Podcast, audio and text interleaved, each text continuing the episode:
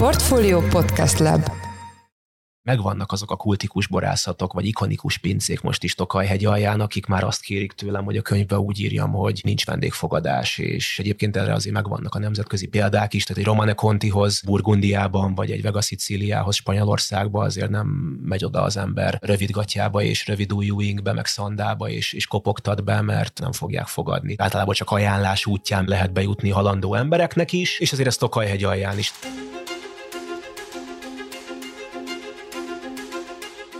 Sziasztok, ez a Portfolio szerdánként jelentkező heti podcastje. Szeptember 27-én én Orosz Márton vagyok a műsor házigazdája. Október elején jelenik meg a 2023-as Tokaj Guide, az úti kalauz és borvidéki adatbázis, ami kiemelkedő Magyarországon. 2014 óta magyarul és angolul is kiadott Tokaj Kalauz független kiadványként jelenik meg, és vonultatja fel hazánk talán legismertebb borvidékének értékeit. És hát itt van velünk a stúdióban a kötet szerzője, Ripka Gergely borszakíró. Szia Gergő, köszönöm, hogy bejöttél hozzánk stúdióba. Szia, sziasztok. Én nagy rajongója vagyok a kiadványnak, úgyhogy ez nem titok, nekem vannak családi, meg személyes vonatkozásaim Tokajhegy alján, és most legutóbb például márciusban utaztam ott egy hetet, és kimondottan igyekeztünk eljutni pincékbe, meg kóstolni, és nekem a korábbi példány van meg, és azt vittem magammal, és hát nagyon hasznos volt, és szerintem példamutató ez a kiadvány, amiben pincékről van szó, tételekről, borokról van szó, és emellett komoly borszakírói leírások is vannak benne, meg cikkek vannak benne. Hogy készült ez a mostani kiadás? Hány évenként jön ki egy-egy újabb? Hát először is köszönöm szépen, egészen zavarba jövök itt a sok méltatástól. Nekem ez tényleg a világot jelenti, hogy, hogy vannak lelkes olvasók, akik értékelik azt, amit, amit csinálok, meg hogy megszületik egy napra kész kiadvány egy specifikus témáról, ami azért legyünk őszinték. Ez egy véges számú közönséget jelent,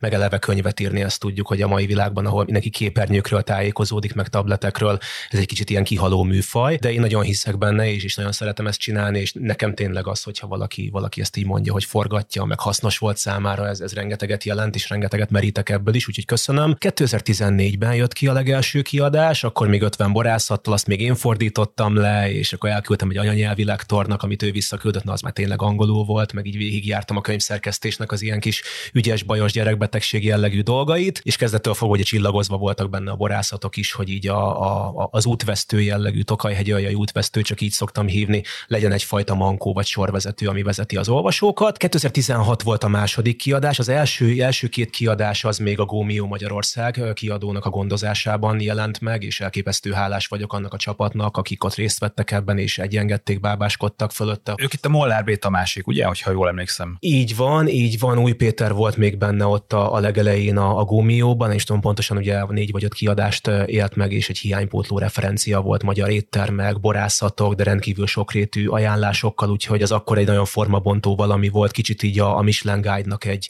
egyfajta mutációja, ami tudjuk, hogy most már a magyar részről is eléggé vaskosan szól, de akkor még ez 2010-es évek elején ez egy, ez egy nagy, nagy dolog volt, és akkor annak a farvízén, ha lehet ezt mondani, jött ki a 14-es és 16-os Tokaj Kalauz, aztán 19 volt már az első független kiadvány, tehát azt már akkor már szabadúszóként és tényleg a saját magam ízlése szerint megformálva a nyomtatott részét egy tulajdonképpen egy ilyen independent kiadványként folytatódott ez tovább. Akkor már ugye, ha jól tudom, nem is volt Gómió étterem kalauz, úgyhogy ez így adta magát, és 21 volt az előző kiadás, és 23 a, a következő. Mindig bővítve egy kicsit a, a tartalmat, és persze egy ilyen kiadványnál az a legfontosabb, hogy napra kész legyen, és óriási a fluktuáció, borászok jönnek, mennek nagyobb cégek élén mondjuk, vagy, vagy új birtokigazgató van, eladnak területeket, vesznek újabbakat, stb. Változik a hektárokénti száma egy, egy borászatnak mondjuk, vagy területnek a mérete, és sajnos vagy nem sajnos, hogy ez így van mondjuk a mai magyar borvalóságban, de mindig van új a nap alatt, természetesen új borászatokkal, új rendezvényekkel, új szálláshelyek,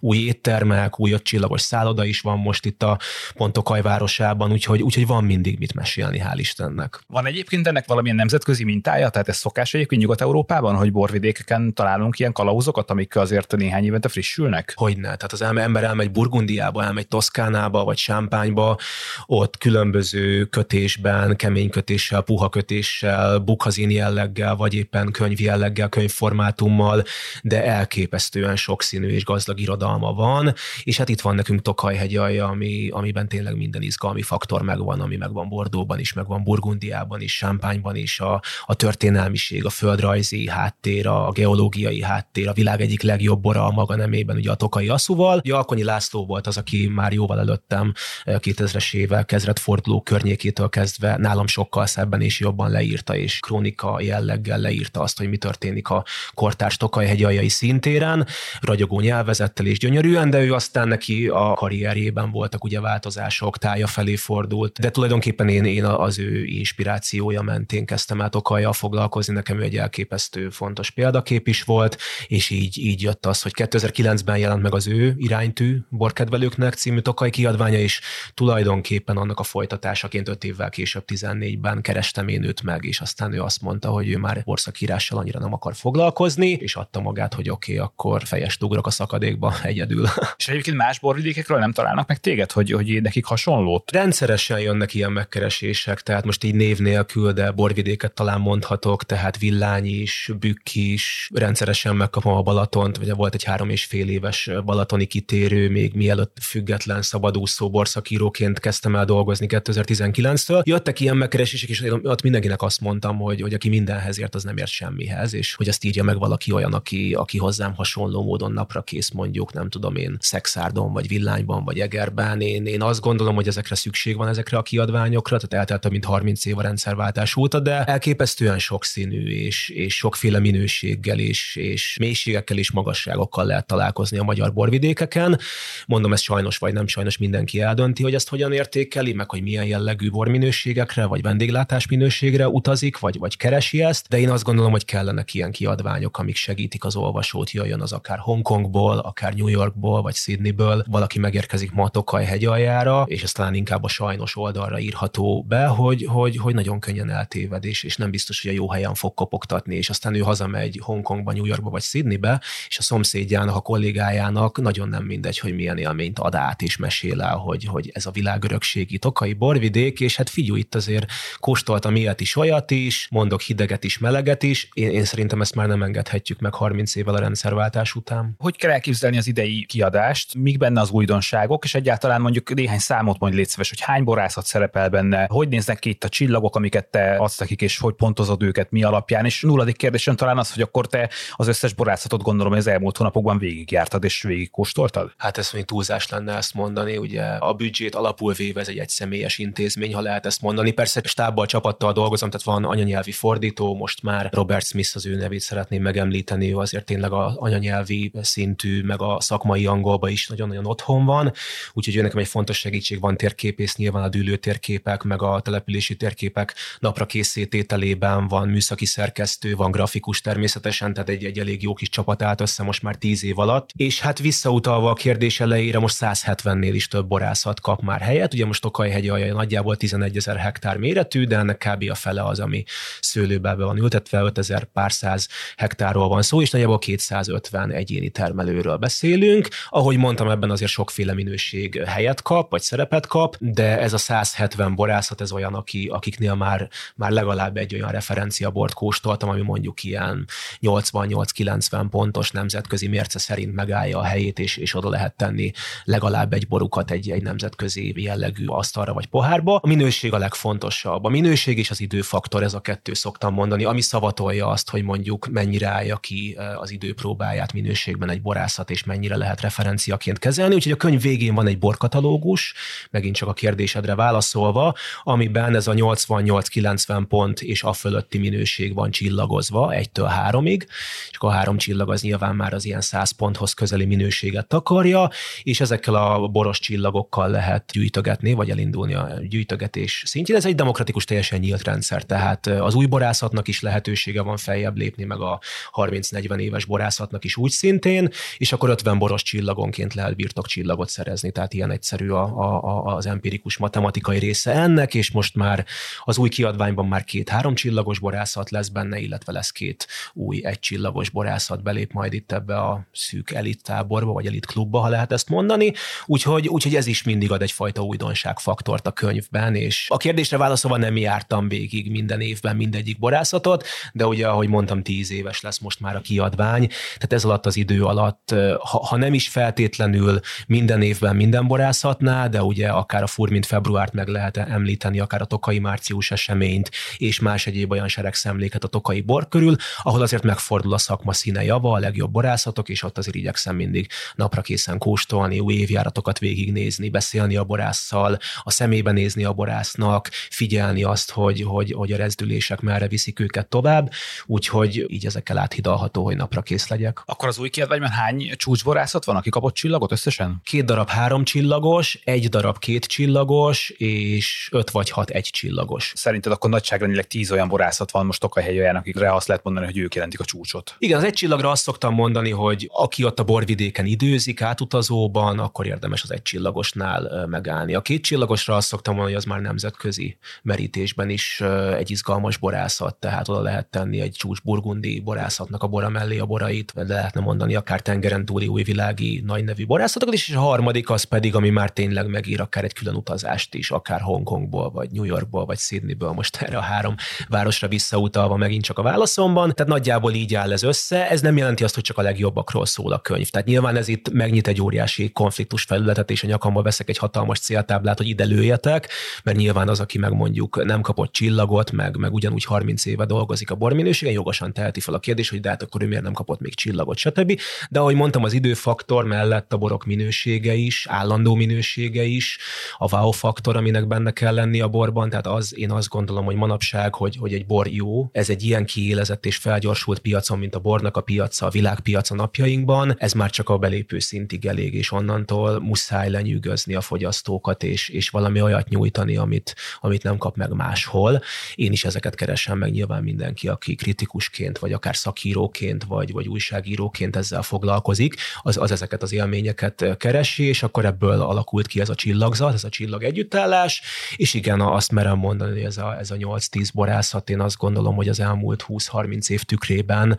Tokajhegy alja megújításáért nagyon-nagyon-nagyon sokat tett. És van erre akkor jól érzékelhető nemzetközi érdeklődés egyébként? Tehát amit említettél, hogy jönnek akár távol-keletről, például Ázsiából, nem tudom, Egyesült Államokból jönnek látogatók a borvidékre, ez érezhető? Tehát ők képviselnek egyfajta számosságot? Ó, hogy ne, én szerintem azért még mind a mai napig, amit a leginkább ismernek és elismernek, és ez nagyon fontos, az Tokajhegy alja Magyarországról, hogyha borokról beszélgetünk. Nyilván a maga műfajában, tehát Tokajhegy alján például vörös borokat teljesen fölösleges is keresni, ezt tudjuk, tehát arra ott van villány, ott van egger, vagy ott van szexárd, de én azt gondolom, hogy, hogy száraz fehér borban, késői szüretelésű, tehát asszú alatti kategóriában is édesborok tekintetében a világ élvonalához sorolható Tokajhegy alja, és az a Tokai asszú az pedig ennek az egész piramisnak a csúcsa, és, és az a produkció, amit meg aztán tényleg sehol máshol nem lehet megismételni. Más kérdés, hogy mondjuk egy 56-ban emigrált magyarnak, mondjuk teljesen más jelent a Tokai asszú, meg a Tokai borok, és neki esetleg egy, egy megbarnult, keserédes,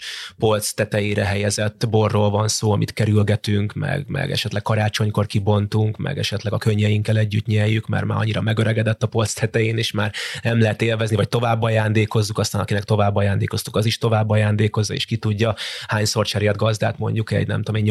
88-as tokai asszú, még ugye az előző rendszerből, de én azt hiszem, hogy, hogy onnantól kezdve, hogy egy külföldi, akár távol-keleti, akár tengeren túli, bárhonnan ideérkező, boriránt fogékony, nyitott szívvel érkező borturista ide érkezik, és abban a pillanatban, hogy ki van töltve az a száraz bor, vagy pláne édesbor Tokajhegy aljáról a poharába is beleszagol, megkóstolja, ott eldől minden, és ott, ott nyertünk egy új rajongót Tokajért, és nincs kérdés, hogy, hogy, hogy ez, most, ez most a sárdonéra hasonlít inkább, vagy, vagy, vagy a szoterni borokhoz képest mit nyújt, ami ugye szintén egy természetes édesbor és a világban nagyon elismert, de én azt gondolom, hogy, hogy, hogy Tokaj maga definíciója és, és megkérdőjelezhetetlen minőségek vannak jelen, de hangsúlyozom, hogy nagyon-nagyon nem mindegy az, hogy valaki ezt az élményt hol kapja meg, vagy, vagy egyáltalán megkapja-e, hogyha Tokajba látogat, de ott van és kézzel fogható, és a borok készen vannak bizonyos megfelelő helyeken. Más kérdés, hogy ezt, ehhez kicsit fel kell nőnünk, hogy ezt hogyan reprezentáljuk, hogyan mutatjuk be ennek a közönségnek, és képesek vagyunk elenyűgözni a, a világot ezzel a produkcióval. A felnövésnek része az is, hogy mondjuk Kastróban, vagy mondjuk a hotel szektorban is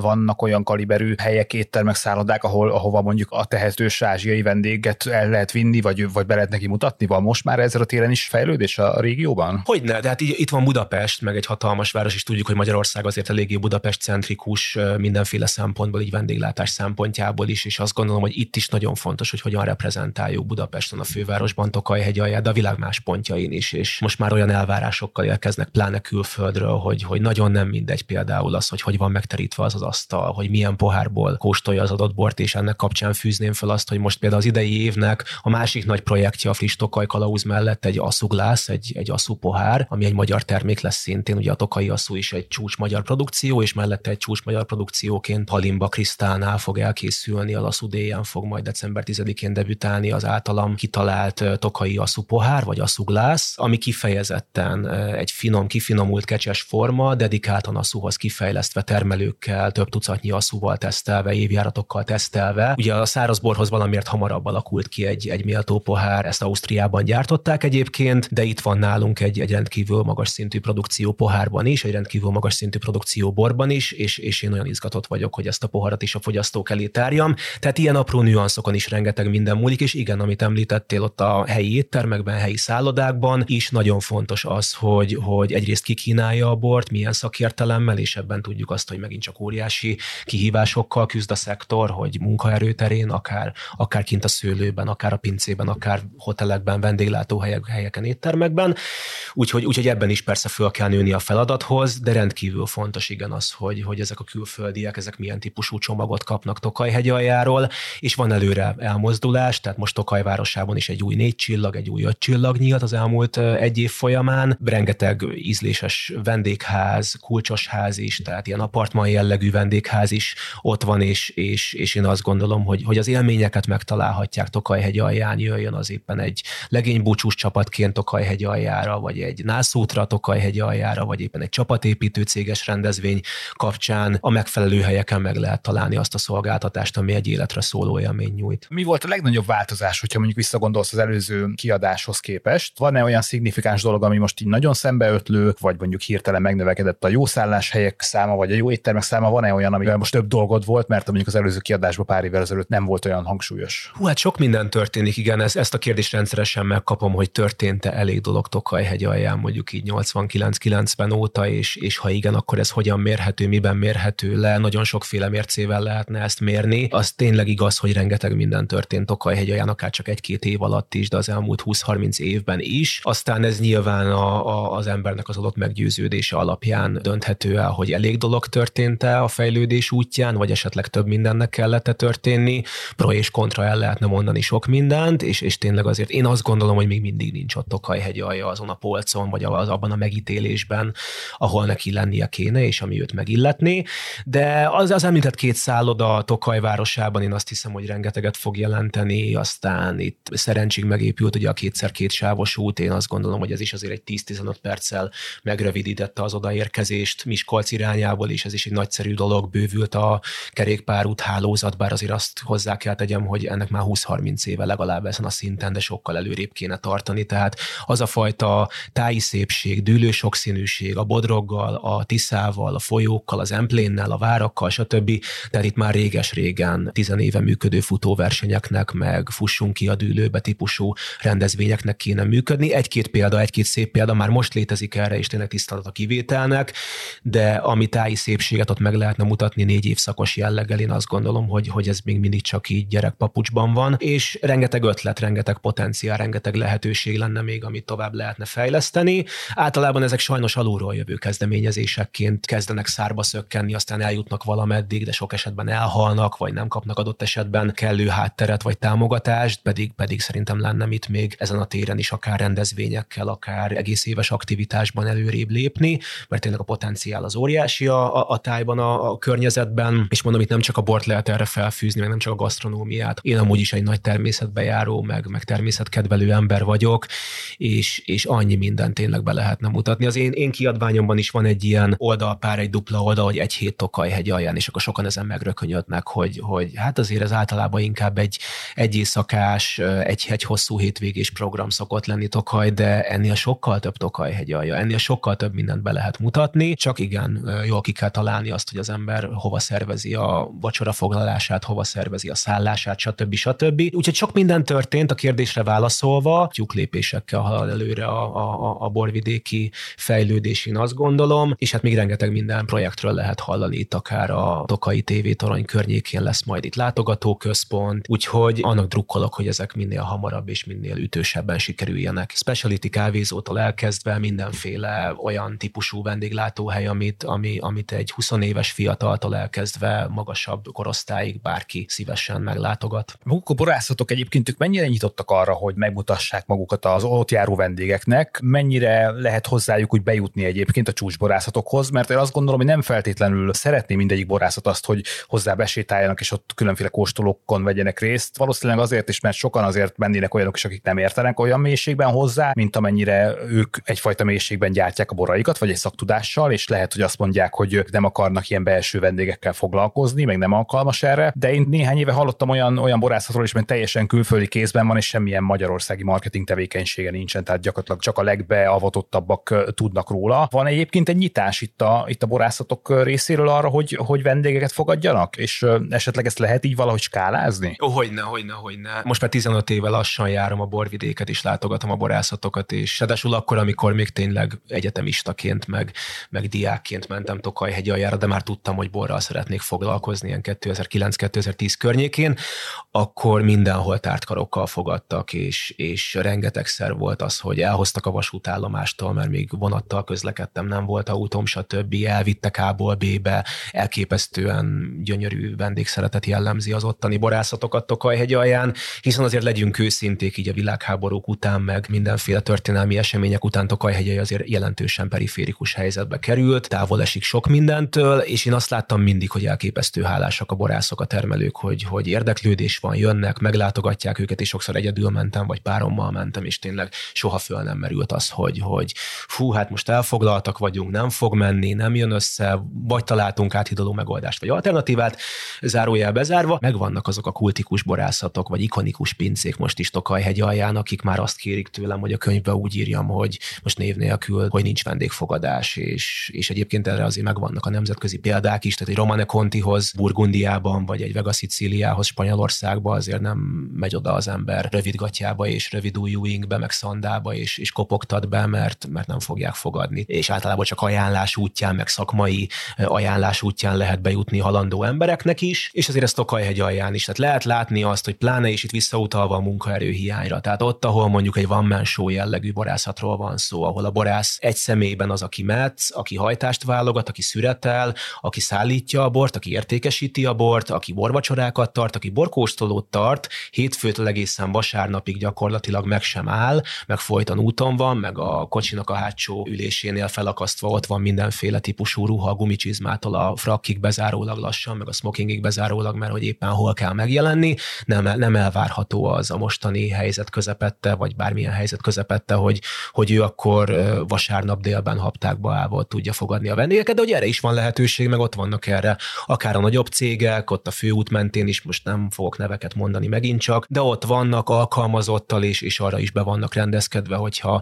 nem tudom én, Lengyelországból megérkezik egy, egy autónyi ember, vagy egy mikrobusznyi ember, akkor ők be tudják ütemezni azt, hogy ha nem is azonnal és rögtön, de mondjuk két óra múlva gyertek vissza, és megtartjuk nektek a másfél órás kóstolót, és a Pesgőtől az asszóig elmondjuk, hogy mi történik Tokajhegy alján, hogy készül az asszó, hogy készül a szamorodni, mi a különbség, mik a fajták, stb. stb. Színes, szagos módon, és hát erre is van rengeteg jó példa, ahol én magam is meg vagyok lepve egyébként így heti napi szinten privát túrákat is viszek Tokajhegy aljára külföldi vendégekkel Budapestről Tokajba és vissza, vagy Tokajhegy aljára, és látom azt, hogy nagyon komoly felkészültség van némelyik borászatnál, és úgy képbe helyezik a, a, a látogatót a modern technológiáig, a 300-400 éves pince bemutatásán át, a eszencia megkóstolásáig, hogy általában látom azt, hogy így mindenki teljesen le van döbbenve, hogy úristen, ezt Tokajhegy alja, és hogy ezt eddig miért nem tudta, miért nem ismerte. Elég sok amerikai vendéggel szoktam Tokajhegy aljára utazni, és ők mondom, hogy teljesen más filmet néznek, ugye akár Kaliforniában, Napavölgyébe, Szonomába, de itt akár hogyha Toszkánába elmennek, vagy, vagy, vagy Burgundia, Bordó,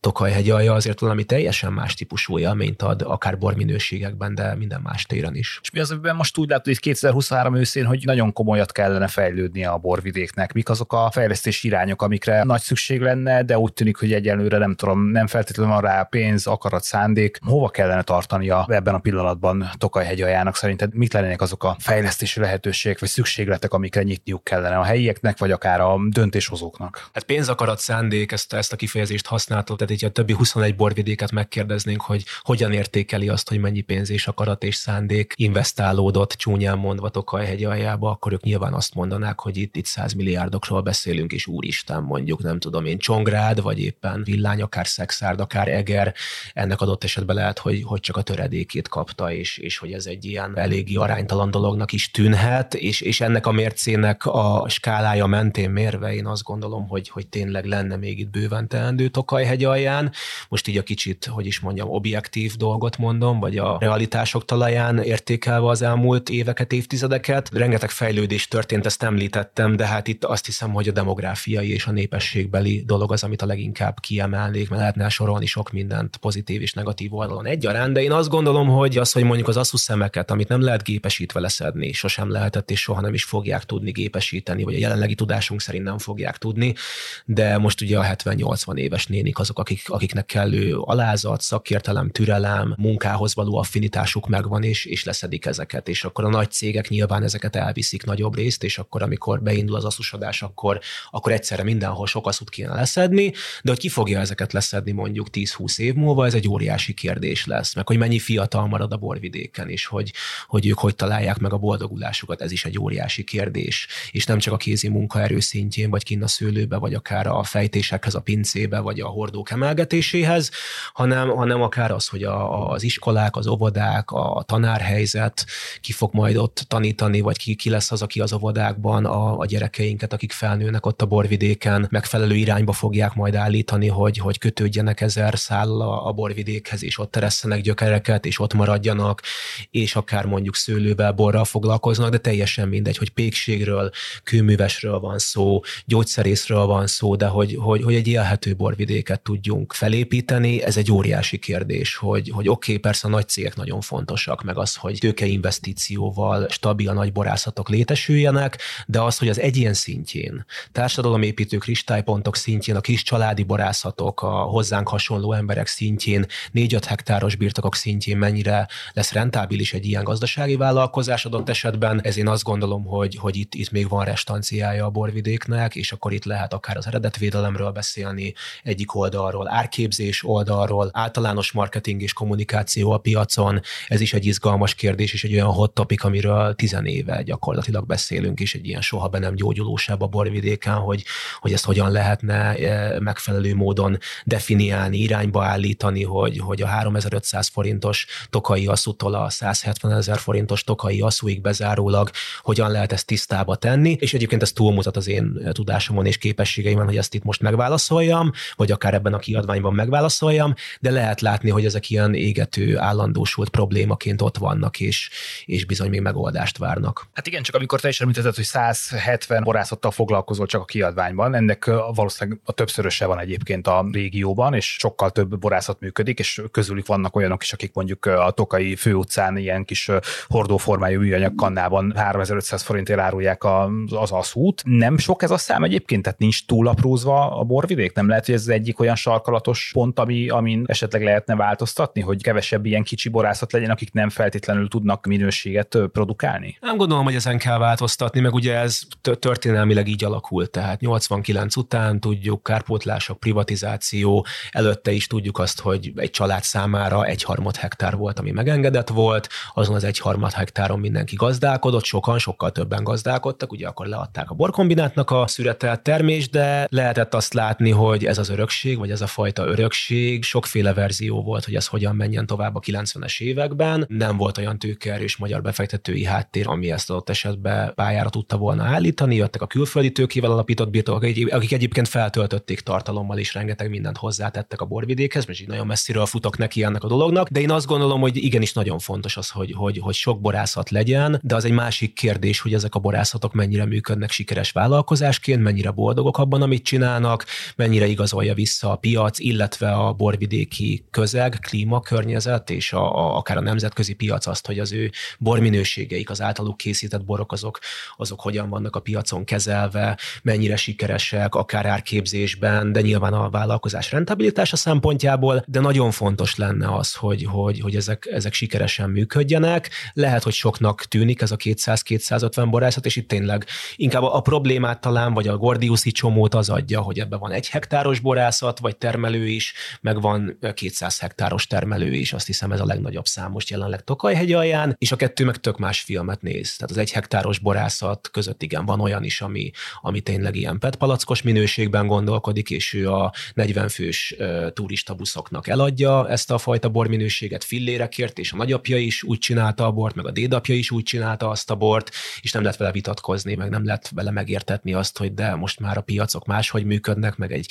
három Michelin csillagos étteremben nem ezt a minőséget várják, mert őt nyilván ez nem fogja érdekelni akkor, amikor külföldi nyaralásra való pénzt, meg azt a távlati célt, ami nála van kitűzve, azt ő eléri ezzel a minőséggel. Nyilván szabályozás szintjén kell ezt valamilyen módon tisztába tenni hosszabb távon, mert a generációk ezen, ezeken segíthetnek. Ugye hozzáadott cukorra most már ezek a tokaj OEM borok nem készülhetnek, meg vannak most már olyan szabályok, meg rendtartások, meg termékleírások, amik elvileg segítik a, a magas minőséget, de még mindig azt látom, hogy, hogy árképzésben is, meg, meg marketingben, kommunikációban is elképesztő különbségek vannak kicsi és nagy és közepes borászatok között, attól függően, hogy ott éppen milyen víziók mentén szervezik a borászat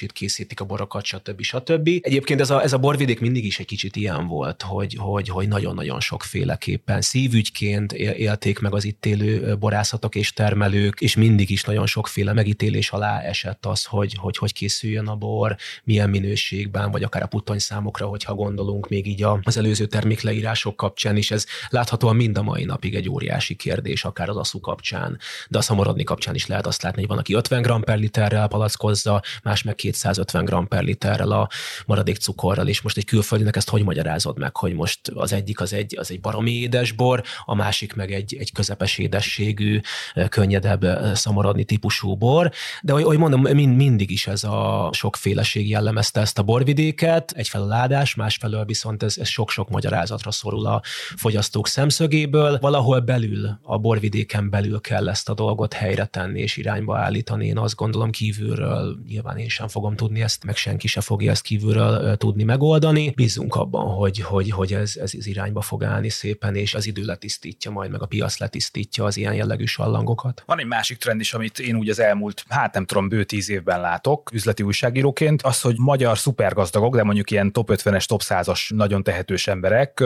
Tokaj-hegyaján egyszer csak nyitnak egy borászatot, és felvásárolnak ott különféle parcellákat és termőterületeket, és komoly marketinget tesznek mögé, meg látszik, hogy sok milliárd forintot beletesztek abba, hogy nekik legyen itt egy ilyen presztis beruházások mondjuk, vagy egy presztis szőlőbirtokuk. Amennyire én olvasom a szaksajtót, azért ezeknek a végeredménye az sokszor, hogy is mondjam, kérdőjeles egy kicsit, vagy nem biztos, hogy tükrözi azt a, azt a befektetett összeget, amit ezek az emberek itt, itt beletettek. De hogy látod, hogy ez van még ez a trend egyébként, hogy ilyen presztízs szempontból keresik a tokai szőlőket és a tokai birtokokat, meg mire jutottak ezek az emberek, akik itt súlyos milliárdokat tettek abba, hogy nekik egy akár a saját nevükön futó borászatuk legyen? Ez nem új keletű történet megint csak, tehát hogyha visszanézzük az időben az évszázadok folyamán, tehát különféle módon a hatalom, vagy éppen az uralkodói réteg, vagy nevezhetjük úgy, hogy a politika az mindig is jelen volt Okajhegy alján, és a presztis kifejezést említette, tehát ez a, akár a Rákóciaknak, akár a Habsburgoknak, akár bármilyen más adott esetben aktuálisan regnáló rétegnek, vagy éppen a nagyüzemi időszakban tudjuk, hogy a, az államosítás idejében is, de a jelenkorban is látjuk azt, hogy mennyire jelen van, ott van a tokai borvidék körül, ezek az erőterek ott vannak és jelen vannak. A sikeresség nyilván igaz egy másik kérdés, de óriási volt a hatásuk, és mindig valamilyen irányba ezek az erőterek azok, amik, amik elindították, vagy terelték Tokajhegy alját. Aztán megítélhetjük ezt is sokféleképpen, hogy adott esetben az pozitív volt éppen, vagy negatív, vagy éppen békjókba, gúzsba kötötte a borvidéknek a fejlődését. Azért lehet látni azt, hogy mondjuk Burgundiában egészen másképpen tudott öntudatra ébredni a borász közösség, a termelői közösség, ki tudott alakulni egy, egy ülő klasszifikációs rendszer, egy nagyon stabil eredetvédelmi rendszer, és senki a világon nem kérdőjelezi meg azt, hogy miért kerül egy, egy, egy csúcs Grand Cru burgundi bor 1000 vagy 2000 euróba, amennyiért én autót nem vásárolok gyakorlatilag, és mind a mai napig működik a rendszerük. Ők is megvívták a maguk csatáját, a maguk harcait, de ők, ők ezt bevállalták, és a klíma ott is változik, a termőhelyek ott is adott esetben egyik évjáratban ezt mutatják, másik évjáratban azt mutatják, de nem kérdés számukra, hogy mi a Grand Cru, mi a Premier Cru, és egy egy kínai vagy egy japán vásárló számára sem kérdés az, hogy az miért kerül annyiba az a bor. Kifizetik és megveszik. Tokaj alján kicsit úgy érzem, hogy ezek a mindenkori hatalmi erők ebből a szempontból gúzsba kötötték a borvidék organikus fejlődését, vagy, vagy saját útján való menetét, fejlődését. És akkor a rendszerváltás után a kérdésedre válaszolva ugye láthattuk, hogy akár francia, akár spanyol, akár német, amerikai tőkével elindultak ezek a 50 kötőjel 100 hektáros nagyobb borászatok. Ezek töltötték fel egyébként új tartalommal itt a rendszerváltás utáni Tokaj-hegyet, akkor ez, ez az óriási forrása volt különböző tényfeltáró cikkeknek, hogy kiárusítják a leghíresebb magyar borvidéket, a legjobb területeket, azért így utólag visszanézve láthatjuk, hogy hát azért a legjobb területeknek a jelentős része még mindig parlagon van, meg benőtte a dzsungel, és egy jelentős részük még mindig arra vár, hogy valaki felfedezze őket, de azt tudjuk, hogy, hogy itt mondjuk szőlőt termeszteni, bort termelni, önköltség szempontjából, bekerülési költségek szempontjából összesen hasonlítható mondjuk az Alfölddel, vagy, vagy, vagy mondjuk síkvidéki területekkel. Ez mindig is így volt, és mindig is ez egy költséges hobbi volt befektetők részéről. Azért vegyes a kép, tehát azt lehet látni, hogy vannak olyan borászatok, akik nagyok és komoly befektetéssel indultak el, ahogy, ahogy, ahogy kérdezted, és, és sikeresek, és vannak erre gyönyörű szép példák, akár magyar, akár külföldi befektetés nyomán. Igen, azt lehet látni, meg, meg ismerjük a közhelyt, hogy, hogy, hogy úgy lesz milliómos egy borászból, hogy előtte milliárdos volt. Ezt látjuk, hogy, hogy ez, ez valahogy így működik. Tokajhegy alján ez, ez, ez ugyancsak fellelhető, de pont ezért gondolom azt, és itt nem is igazán értük aggódva, hanem azokért aggódva, akik kicsik, akik pár hektáros kis családi örökséget visznek tovább, és a, és a jövőjüket ott képzelik el a borvidéken. Ő rájuk kell szerintem sokkal komolyabban vigyáznia ennek a borvidéknek és a mindenkori döntéshozó szerveknek, hogy, hogy, hogy, hogy, hogy ők, ők maradjanak meg, mert fontosak persze a nagyok is, ezt már említettem, hogy nagy volumenben, megfizethető árban, akár a szupermarketek, hipermarketek, akár a világpiaci szinteken ott legyenek és reprezentálják Tokajt, de a 15-20 ezer palack számot készítő kisebb borászatok lesznek azok, akik végső soron ezt a borvidéket feltöltik majd élettel. Nagyoknál is, kicsiknél is én azt látom, hogy, hogy igen vegyes a kép így megtérülés szempontjából, de sokkal sebezhetőbbnek érzem a, a kicsiknek a, a, a vállalkozását, ahol tényleg nem az van, hogy egy kívülről működtetett rendszerből teszik be az év végén azt a Excel tábla jobb alsó sarkában lévő piros összeget, aminek feketének kéne lenni, nem pirosnak, mínuszos előjellel, ott ezek sokkal keményebb kihívásokat jelentenek. Még egy csomó mindenről kérdeznélek, de igazából itt beszélgetésünk végéhez közeledve egy ilyen gyakorlati blokkal hadd zárjuk, hogyha valaki most hallgat minket, és kedvet kap ahhoz, hogy mondjuk egy hétre valamikor itt neki induljon Tokaj ajának, és, és eltöltsön ott egy borozós kirándulós hetet, akkor hogy lenne érdemes ennek neki kezdeni? Hol nézzen körül, hogy mondjuk milyen borászatok azok, amik neki valók egyébként, azok, amiknek megérti a borait, és be tudja fogadni azt a minőséget. Hogy kellene neki indulni egy ilyen megszervezésének szerinted? Javaslom, hogy induljunk egy alapesetből, mondjuk egy egynapos Tokaj túra. Ha valaki egy napot rászán a Tokaj hegyaljára, ugye legalább nyolckor el kell indulnia, hogy még ebéd előtt odaérjen a borvidékre, és még mondjuk kóstoljon egyet, aztán egy ebéddel ketté vágva még egy délutáni borászat beleférhet. Ilyenkor általában már nagy alvások szoktak lenni az autóban hazafelé vissza Tokaj hegyaljáról. Tehát lehet azt látni, hogy iszonyat mély és komoly üzeneteket tud átadni ez a borvidék, ami tudom, hogy iszonyú sok egyszerre adott esetben, pláne annak, aki mondjuk nincs hozzászokva a bortúrákhoz. De én azt javasolnám most így reflektálva arra, amik itt elhangzottak az interjúban is, hogy, hogy célszerű egy nagy borászatnál kezdeni, én azt javasolnám. Tehát most itt név nélkül, de szerintem a hallgatók jelentős része az innentől már ki tudja keresni kereső motorokban, vagy applikációban, vagy akár az én kiadványomban is. Tehát nagy borászatoknál, ahol lehet látni a modern technológiát, lehet látni a rendszerváltást a borvidéken, lehet látni a föld alatti gyönyörű pincéket, amik tényleg elképesztő örökségként maradtak ránk, és ezt is meg tudják mutatni, a nem tudom én, nemespenésszel, vagy pincepenésszel a falakon, meg a szerednyei hordóval, meg a gönci hordóval, elmondják azt is, hogy